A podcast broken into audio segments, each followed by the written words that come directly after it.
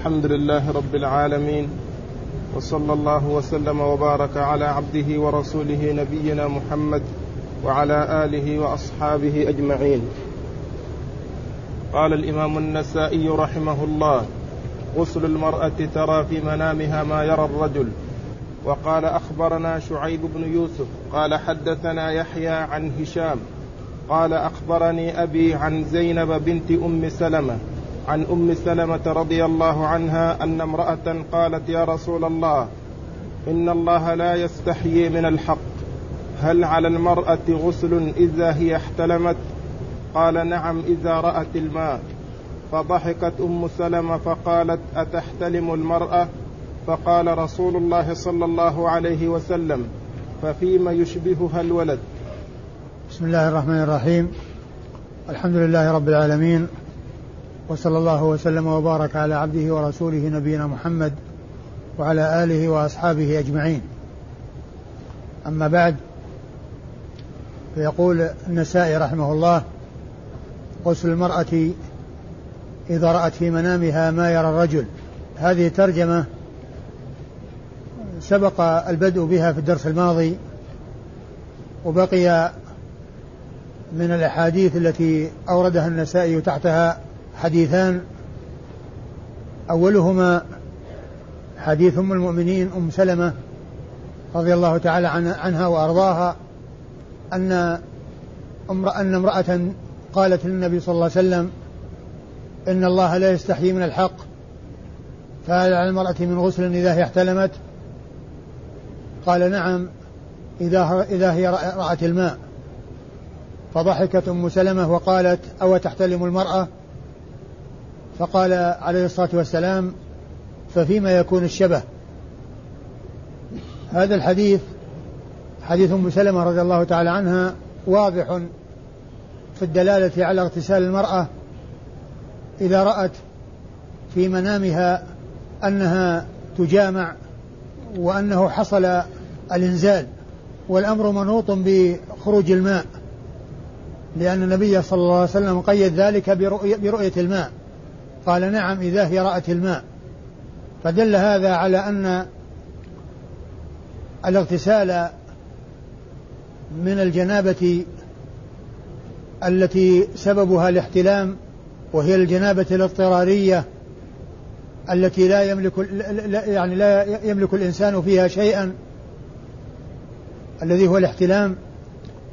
أنه إذا رؤي الماء بعد الاستيقاظ من النوم والمراد بالماء المني فإن الغسل واجب ولازم ويفهم منه أنه إذا لم يرى الماء ولم يحصل ماء ولا أثر للماء في الجسد والثوب فإنه لا غسل لأن الأمر منوط بوجود الماء ورؤية الماء. وفي هذا الحديث ما في الذي قبله من حرص الصحابيات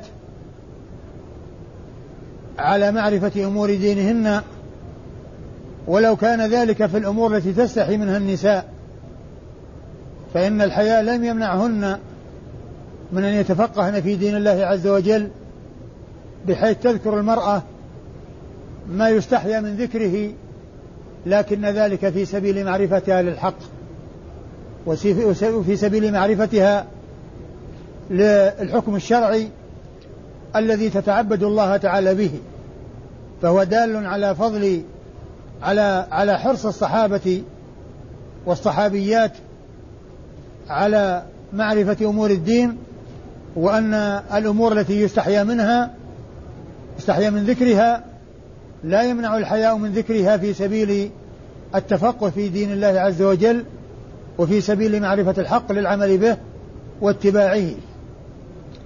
وقد مهدت تلك المرأة لسؤالها بتمهيد قالت إن الله لا يستحيي من الحق فهذا عذر مسبق لإقدامها على هذا السؤال الذي تستحي منه النساء غالبا من ذكره بحضرة الرجال.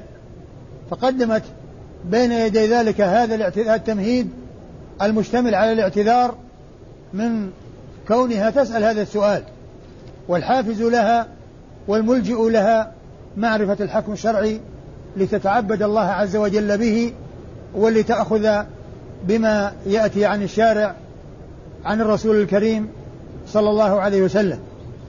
فكان جوابه عليه الصلاة والسلام لها بقوله نعم إذا هي رأت الماء.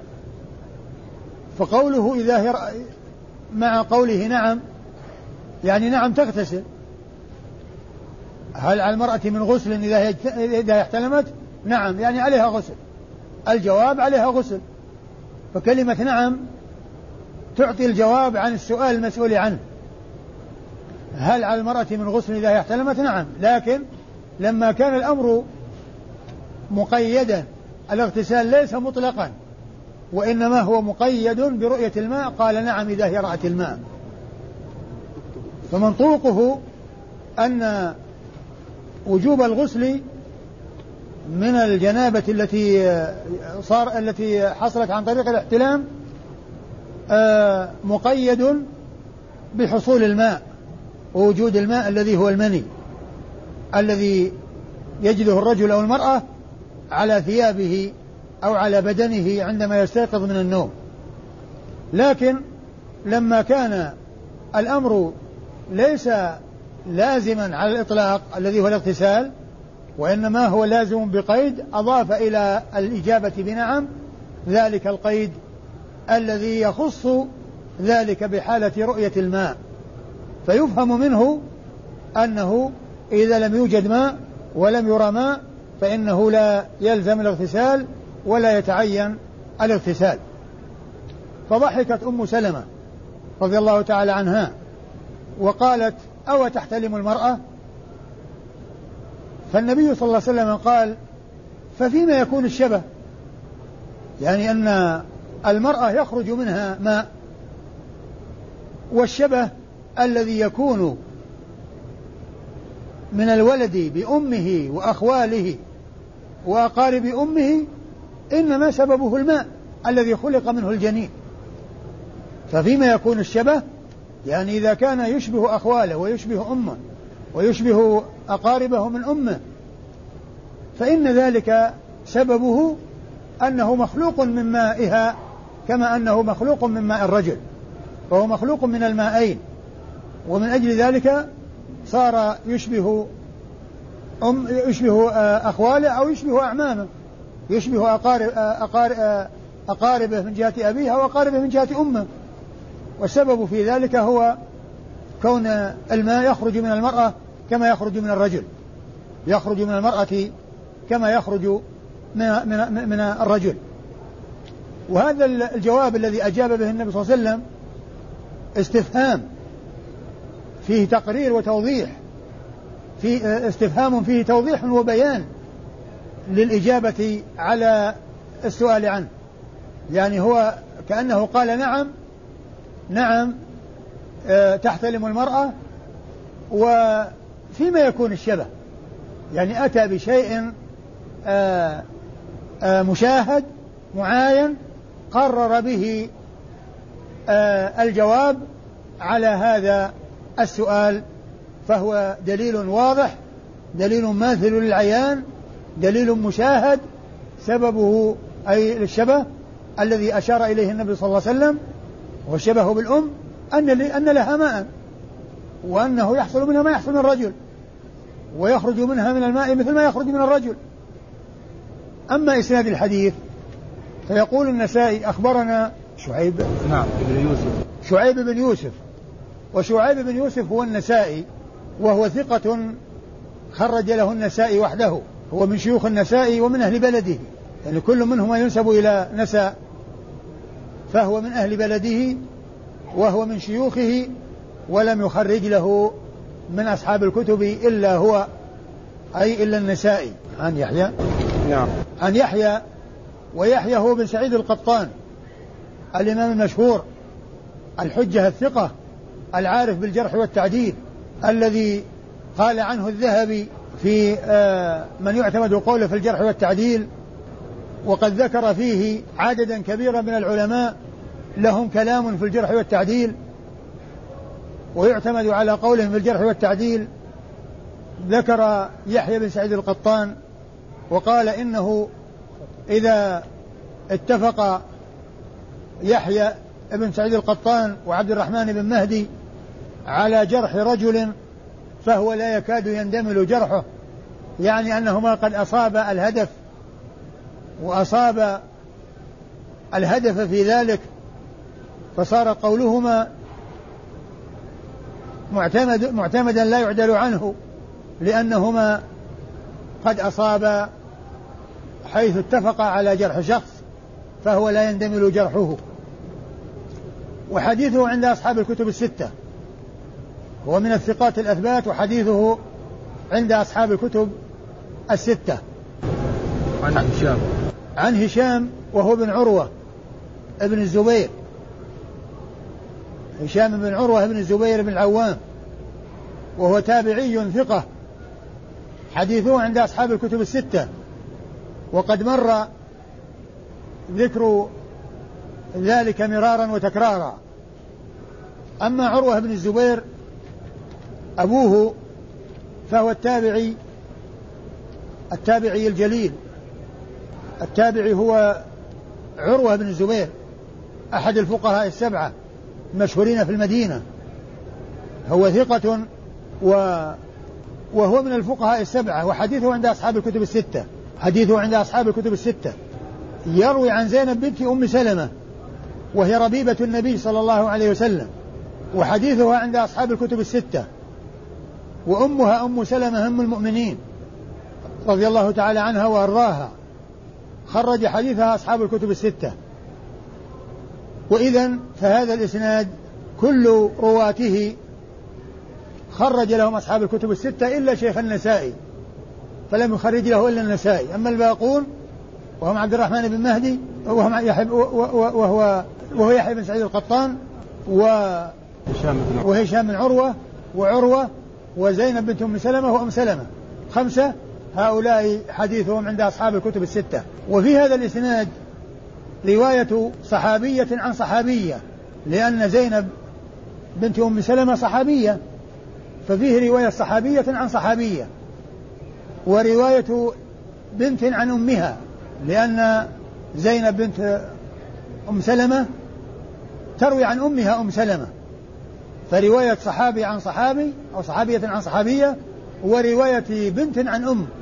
ورواية بنت عن أم ورواية هشام بن عروة فيه رواية تابعي عن تابعي ورواية ابن عن أب فيه رواية ابن عن أب ورواية تابعي عن تابعي لأن هشام وعروة تابعيان وزين وأم سلمة وبنتها صحابيتان ففيه رواية صحابية عن صحابية وابنة عن أم ورواية تابعي عن تابعي وابن عن أب.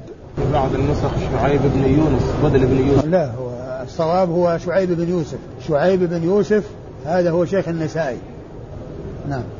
قال أخبرنا يوسف بن سعيد قال حدثنا حجاج عن شعبة قال سمعت عطاء الخرساني عن سعيد بن المسيب عن خولة بنت حكيم رضي الله عنها أنها قالت سألت رسول الله صلى الله عليه وسلم عن المرأة تحتلم في منامها. قال إذا رأت الماء فلتغتسل. ثم أورد النسائي حديث خولة بنت حكيم رضي الله عنها أنها سألت رسول الله صلى الله عليه وسلم عن المرأة تحتلم في منامها فقال إذا رأت الماء فلتغتسل. إذا رأت الماء فلتغتسل. وهو بمعنى الحديث الذي قبله لأنه كله سؤال عن احتلام من المرأة أو من النساء والجواب فيه الأمر بالاغتسال عند وجود الماء وعند رؤية الماء الذي هو المني بعد الاستيقاظ. عندما تستيقظ وترى الماء الذي هو المني فإنها تغتسل لذلك. فهو دال على ما دل عليه الذي قبله. وفي هذا الحديث أن خولة هي السائلة سألت النبي صلى الله عليه وسلم. وفي حديث حديث مضى أن أم سليم هي سألت رسول الله عليه الصلاة والسلام. وفي بعض الروايات إبهام السائلة إبهام السائلة. ويمكن أن يكون إحدى هاتين المرأتين يعني في حالة الإبهام إحدى هاتين المرأتين ويحتمل أن يكون غيرهما. وجواب النبي صلى الله عليه وسلم فيهما أن الحكم هو الاغتسال عند رؤية الماء. الاغتسال عند رؤية الماء. وإسناد الحديث أخبرنا. يوسف بن سعيد. أخبرنا يوسف بن سعيد. يوسف بن سعيد هذا ثقة من شيوخ النسائي وحده. خرج له النسائي. عن قال حدثنا حجاج. قال حدثنا حجاج وهو ابن محمد المصيصي الذي تقدم ذكره مرارا وهو ثقة خرج حديثه أصحاب الكتب الستة. عن شعبة. عن شعبة بن الحجاج أحد الثقات الأثبات الذي وصف بأنه أمير المؤمنين في الحديث هو من أمراء المؤمنين في الحديث. وهذا الوصف كما ذكرت سابقا من أعلى صيغ التعديل وأرفع صيغ التعديل لأن التعديل له صيغ من أعلاها الوصف بأمير أمير المؤمنين في الحديث أمير المؤمنين في الحديث. وكذلك قولهم فلان أثبت الناس وفلان إليه المنتهى في التثبت إليه المنتهى في التثبت. هذه من صيغ, صيغ تعتبر من أعلى الصيغ في التعديل ويقابلها صيغ التجريح أن يقال ركن الكذب وما إلى ذلك من العبارات الدالة على شدة الجرح وعلى عظمه. فإذا أمير المؤمنين وصف يعتبر من أعلى صفات التعديل وأرفع صيغ التعديل من أعلى صيغ التعديل وأرفعها وشعبة بن الحجاج رحمه الله أحد هؤلاء الذين وصفوا بذلك. وحديثه عند أصحاب الكتب الستة كما عرفنا ذلك مرارا. عن عطاء الخراساني. عن عطاء الخراساني. عطاء بن أبي مسلم. الخراساني وأبوه اسمه ميسرة. وهو صدوق آه كثير الوهم. ويرسل ويدلس. و حديثه عند من؟ عند مسلم والأربعة. وحديثه عند مسلم وأصحاب السنن الأربعة. حديثه عند مسلم وأصحاب السنن الأربعة.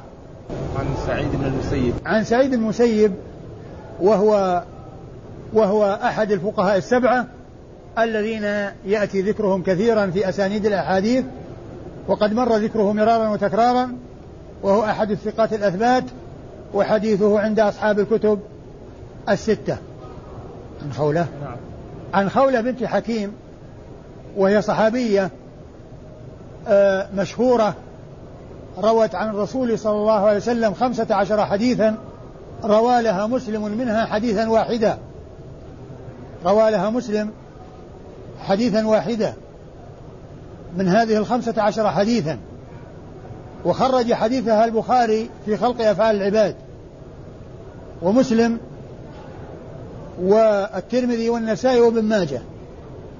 لم يخرج لها أبو داود ولم يخرج لها البخاري في كتابه الصحيح وإنما خرج لها في كتابه خلق أفعال العباد وحديثها خمسة عشر كما ذكرت ومنها حديث واحد في صحيح مسلم.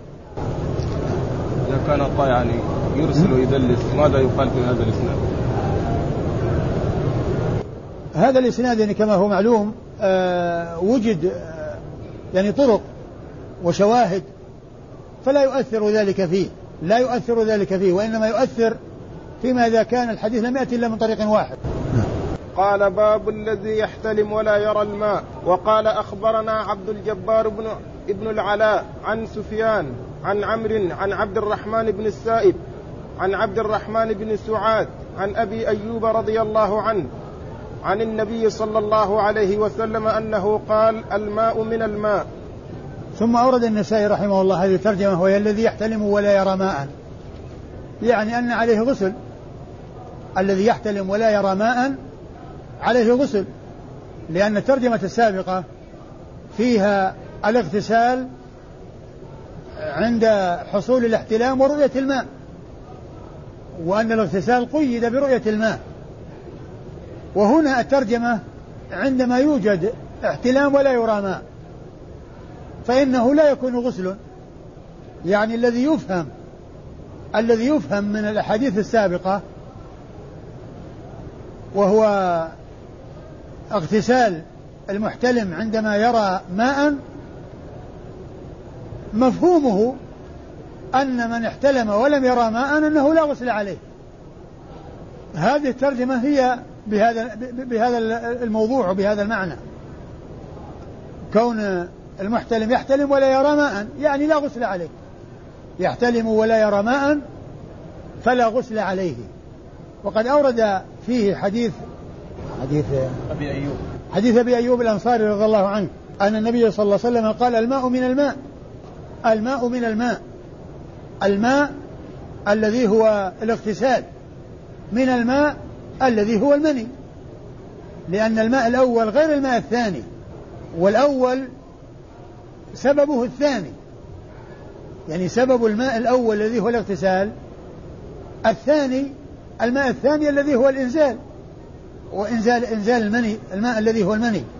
فقوله صلى الله عليه وسلم الماء من الماء يدل على ما دل عليه الذي قبله أنه عند وجود الماء من الإنسان رجل أو امرأة سواء كان عن طريق جماع في اليقظة أو عن طريق منام إذا حصل الماء فإنه لا بد من الاغتسال. وليس الأمر مقيدا بوجود الماء الذي هو المني في حال اليقظة بل الأمر كما عرفنا سابقا أنه عند التقاء الختانين يتعين الغسل وإن لم ينزل وإن لم يحصل إنزال. لكن إذا صار هناك مداعبة وملاعبة ولم يكن هناك إيلاج ولم يحصل التقاء الختانين فإنه لا لا لا اغتسال إلا مع إنزال. وكذلك في المنام لا اغتسال إلا مع إنزال. أم إلا في هذه الحالة التي دل عليها دلت عليها الأحاديث السابقة وهي إذا التقى الختانان إذا جلس بين شعبها أربعة والتقى ثم جهدها فقد وجب الغسل. إذا إذا إذا جلس بين شعبها ثم جهدها فقد وجب الغسل. يعني هذا يدل على أنه وإن لم يوجد إنزال. فقوله صلى الله عليه وسلم الماء من الماء يدل على أن على أن حصول الماء وخروج الماء الذي هو المني سبب أو يوجب الاغتسال.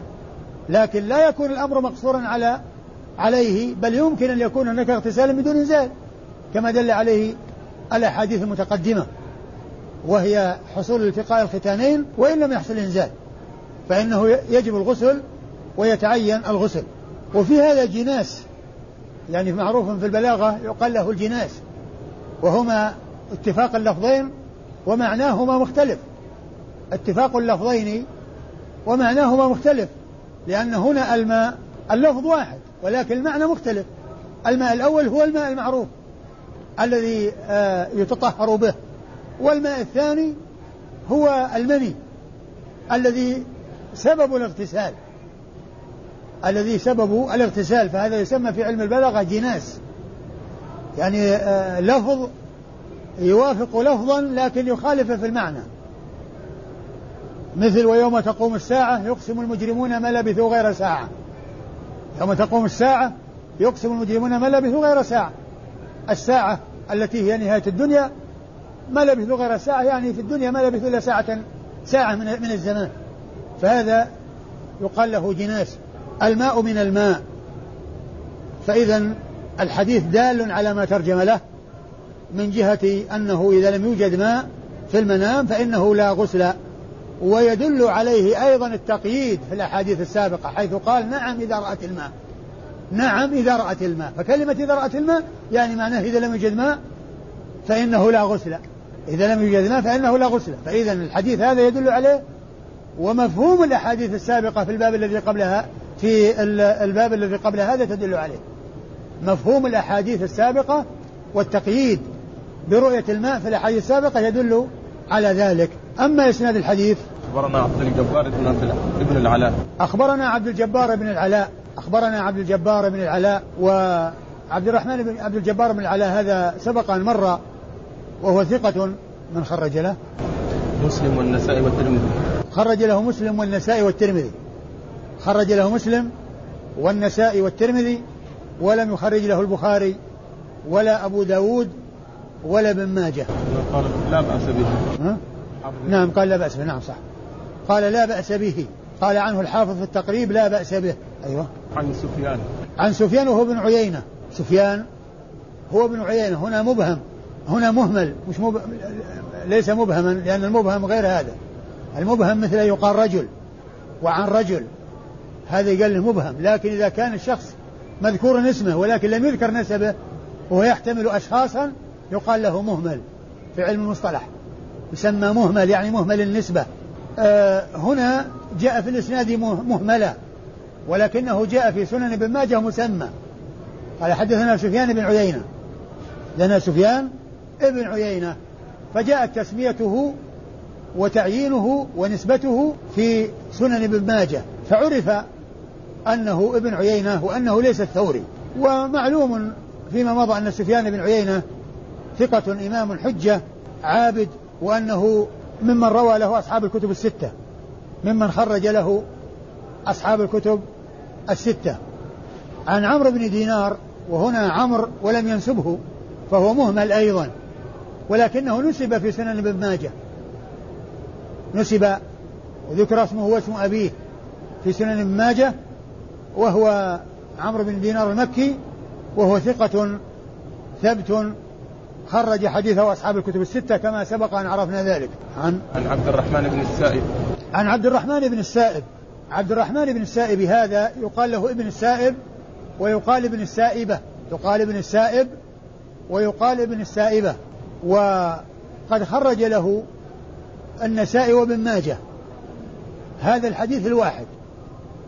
ليس لهذا الرجل في الكتب الستة إلا هذا الحديث الواحد وهو عند النسائي وابن ماجه وهو مقبول كما قال الحافظ بن حجر حديثه عند النسائي وابن ماجه وهو الحديث الوحيد له في هذين الكتابين.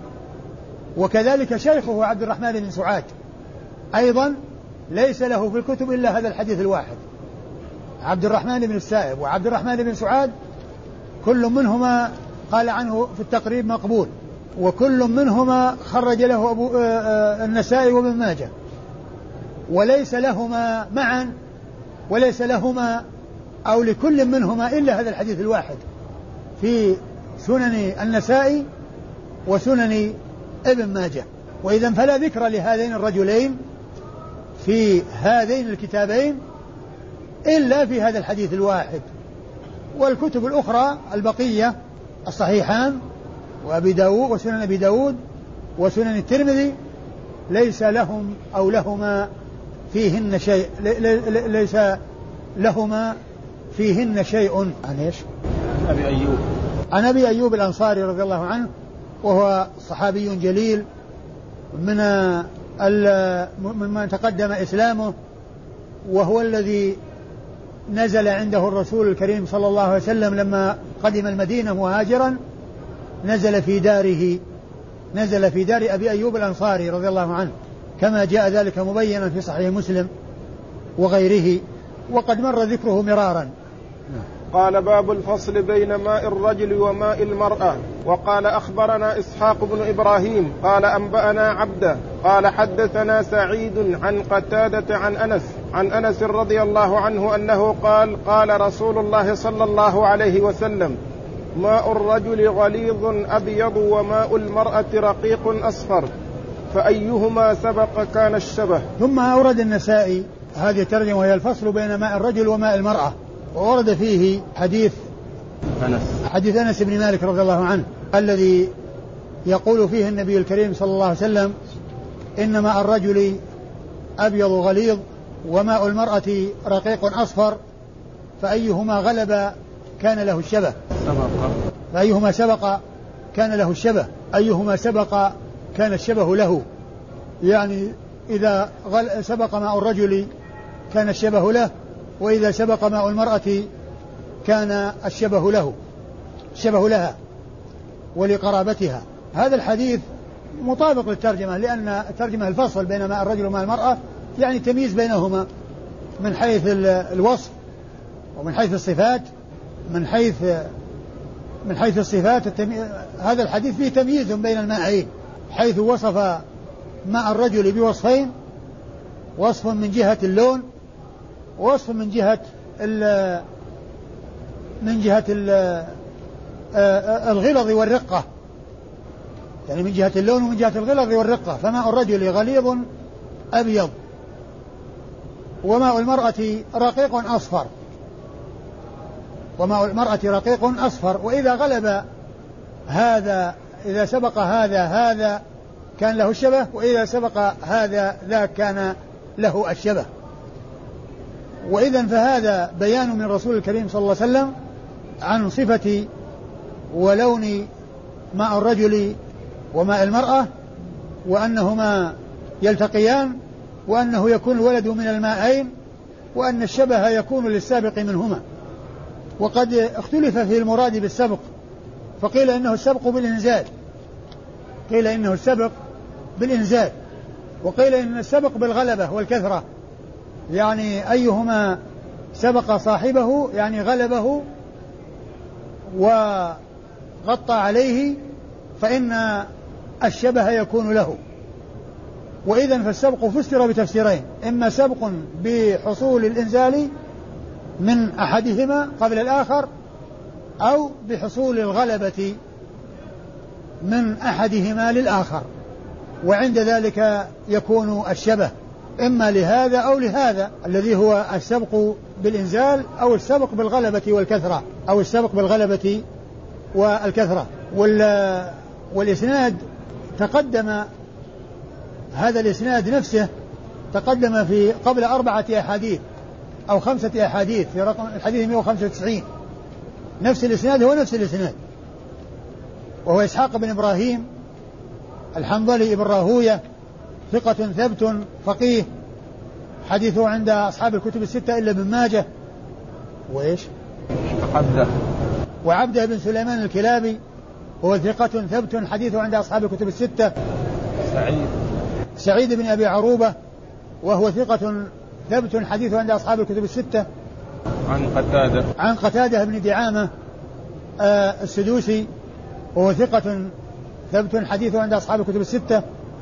عن أنس بن مالك رضي الله تعالى عنه وهو الصحابي الجليل أحد السبعة المكثرين من رواية الحديث عن رسول الله صلى الله عليه وسلم وهو خادم رسول الله عليه الصلاة والسلام وحديثه عند أصحاب الكتب الستة. والله أعلم وصلى الله وسلم وبارك على عبده ورسوله نبينا محمد وعلى آله وأصحابه أجمعين.